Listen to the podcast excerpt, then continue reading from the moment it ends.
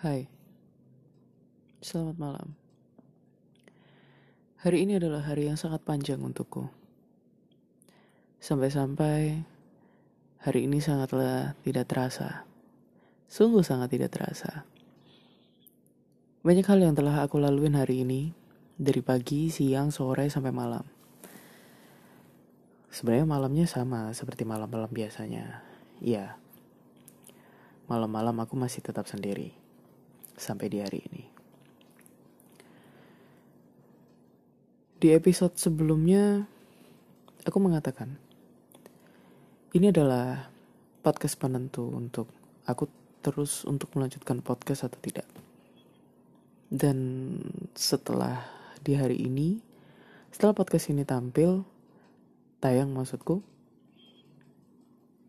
harusnya kita sudah tahu jawabannya apa. Podcast ini akan terus berjalan. Apa pun yang terjadi, podcast celotehan hati akan terus jalan. Kembali pada hari ini yang sungguh sangat bombastis menurutku. Aku yang mengendertawakan hidupku sendiri sekarang. Temanya apa? Temanya adalah hari ini. Hari di mana aku menertawakan hidupku sendiri. Ini bisa dibilang aku meng menceritakan tentang hal kebodoh yang pernah aku alami selama aku hidup. Dan banyak lagi. Sebenarnya aku sendiri speechless untuk menjelaskan apa yang terjadi di hari ini. Jadi tanpa bertele-tele, aku akan menceritakan kronologi di hari ini dari pagi, siang, sore, sampai malam.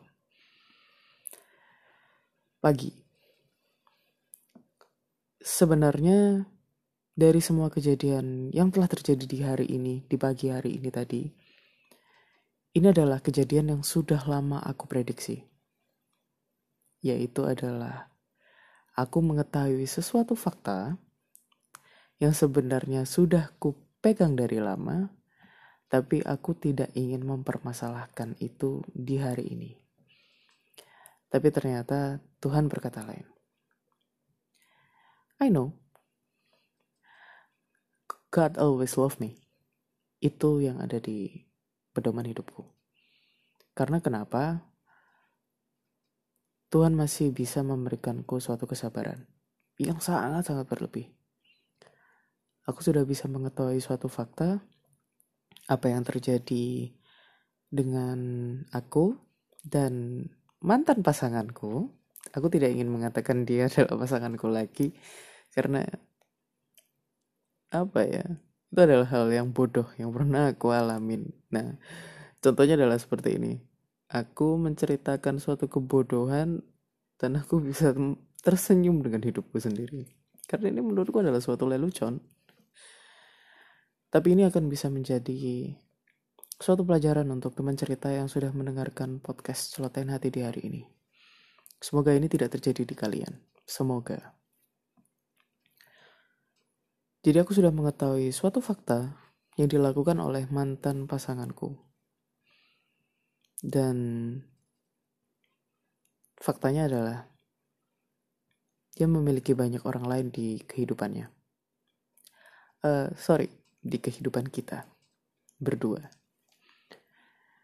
Dan awalnya aku mengiranya yang ada di hidupnya adalah aku sebagai pasangannya. Tapi ternyata dia memasukkan banyak orang di kehidupan percintaannya. Dan itu bukan hanya aku dan bukan hanya satu orang lagi. Melainkan adalah tiga orang di dalam satu percintaan. Ini adalah hal gila. Kalau biasanya kita bisa menceritakan ini kepada teman kita, eh, aku diduain loh sama pacarku. Tapi ini adalah hal yang bombastis yang bisa diceritakan kepada orang lain. Hey, aku ditigakan oleh pacarku. Ini adalah hal yang paling konyol yang pernah ada di hidup. Sebegitunya aku percaya dengan orang. Karena kembali lagi, Seorang Taurus adalah seseorang yang selalu mempercayai apa yang didengar dari pasangannya. tanpa dia mencari tahu fakta yang terjadi di luar itu seperti apa. Dan bodohnya aku dan buruknya aku, selama aku tidak melihat dengan mata kepalaku sendiri, aku tidak akan mencari bukti itu. Padahal sebenarnya aku bisa dengan mudah mencari bukti itu, tapi aku memilih untuk tidak melakukannya karena aku tidak ingin melampaui sakit hati. Kemudian sebelum di hari ini ada beberapa orang yang akhirnya ya menginformasikan suatu hal. Tapi ini bukan dari lingkup dia, tapi dari lingkupku yang sebenarnya tidak pernah bertemu dengan mantan pasanganku.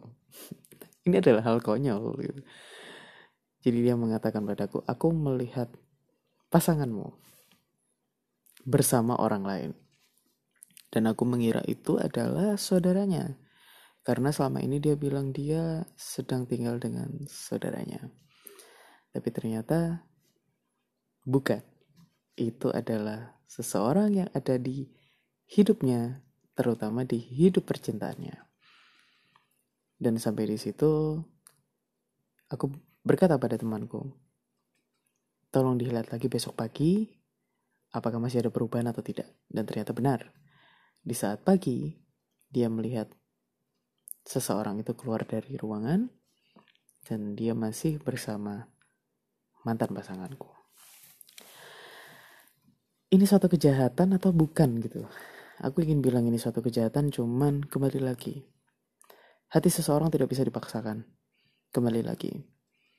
Pilihan seseorang tidak bisa dipaksakan Sebenarnya ada satu kekesalan, iya pasti ada kekesalan karena dia sudah berbohong. Tapi kalau untuk urusan hati atau urusan pilihan, aku tidak akan pernah mempermasalahkan karena aku tidak dipilih. Sama sekali tidak.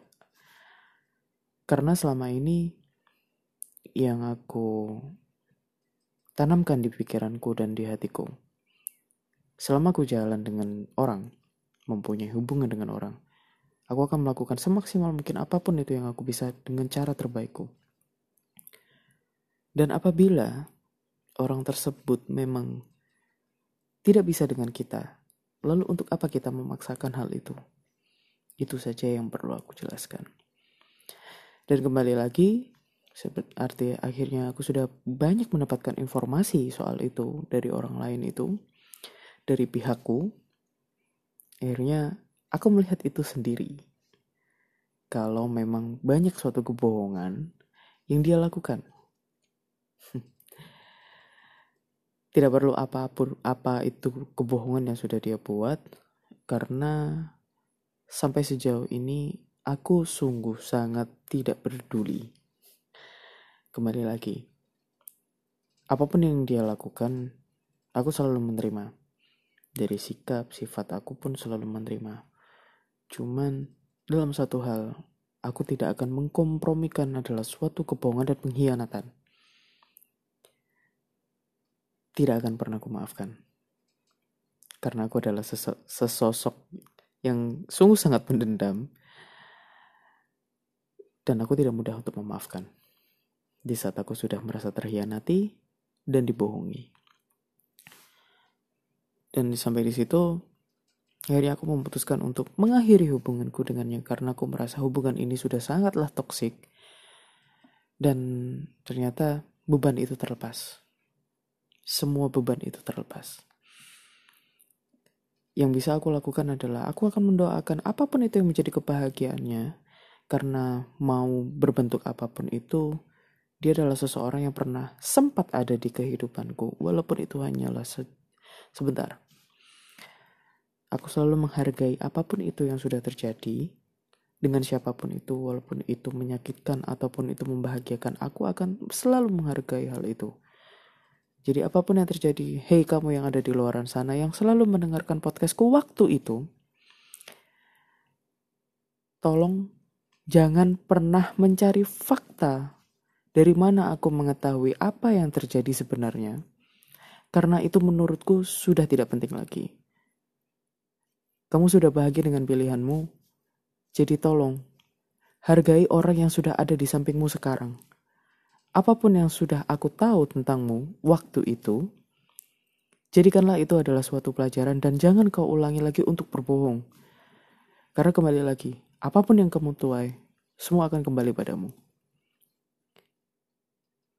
Dan dari aku pribadi, aku masih tetap menganggap kamu sebagai se seorang mantan pasanganku. Kamu adalah orang yang baik. Aku tahu itu. Cuman tolong jadilah manusia yang lebih bermanfaat tanpa kamu harus berbohong. Hanya itu yang perlu kita sampaikan. Hanya itu yang perlu aku sampaikan.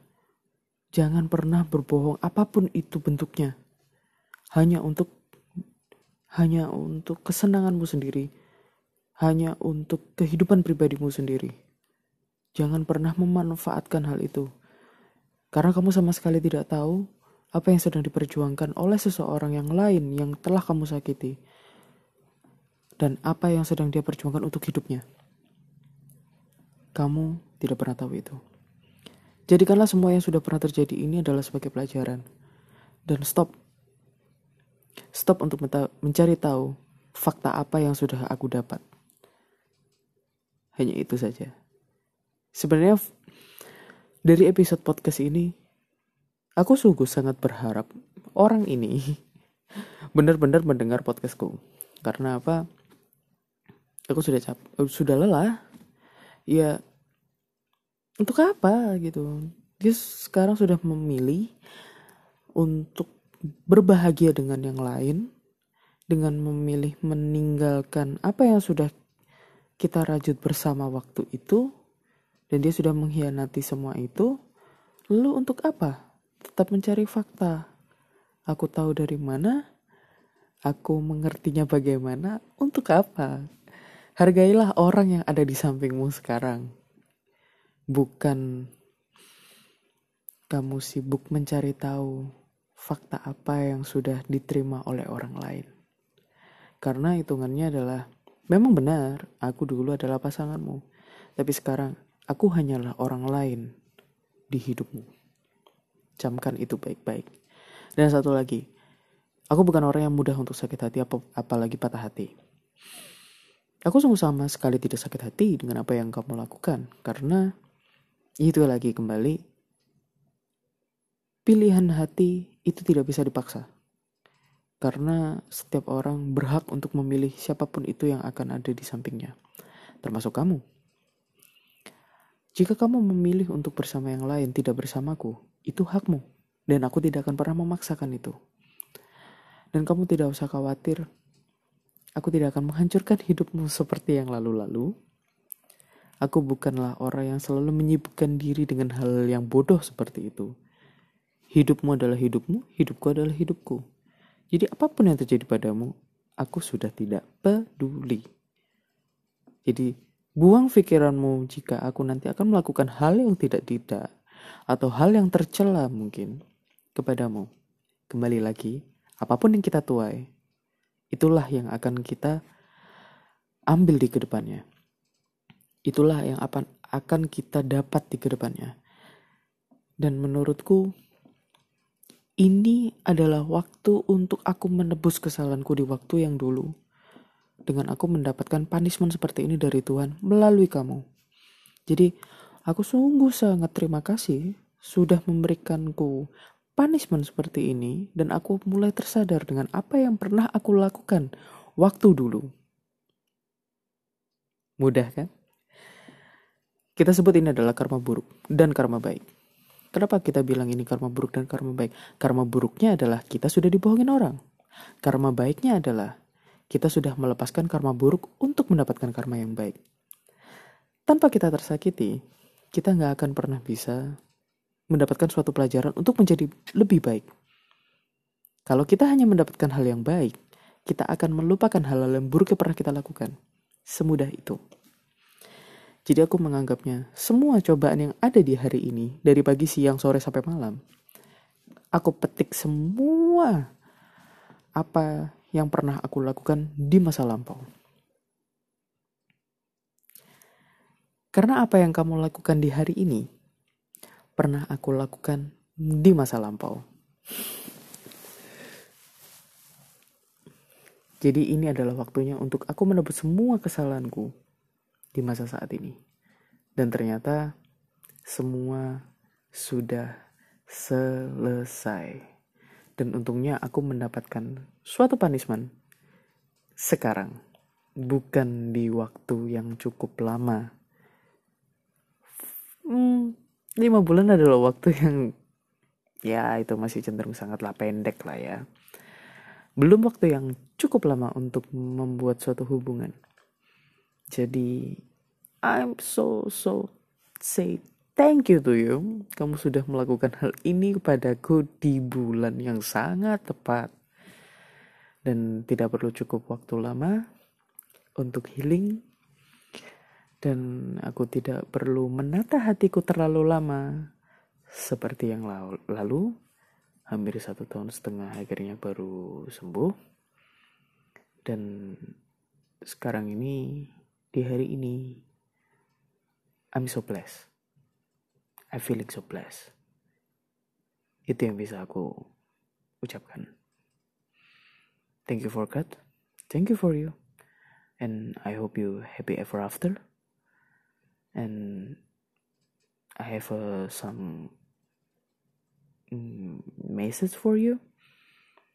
As long you're happy just go ahead and don't make hurt anybody beside you i know you are the person a good person and you're a kindness person so don't make hurt anybody on beside you i hope you're happy with your choice and I said, Sorry if I having a mistake for you. And I say, Thank you for everything and enjoy your life. I hope you're happy ever after once again. Good night. Thank you.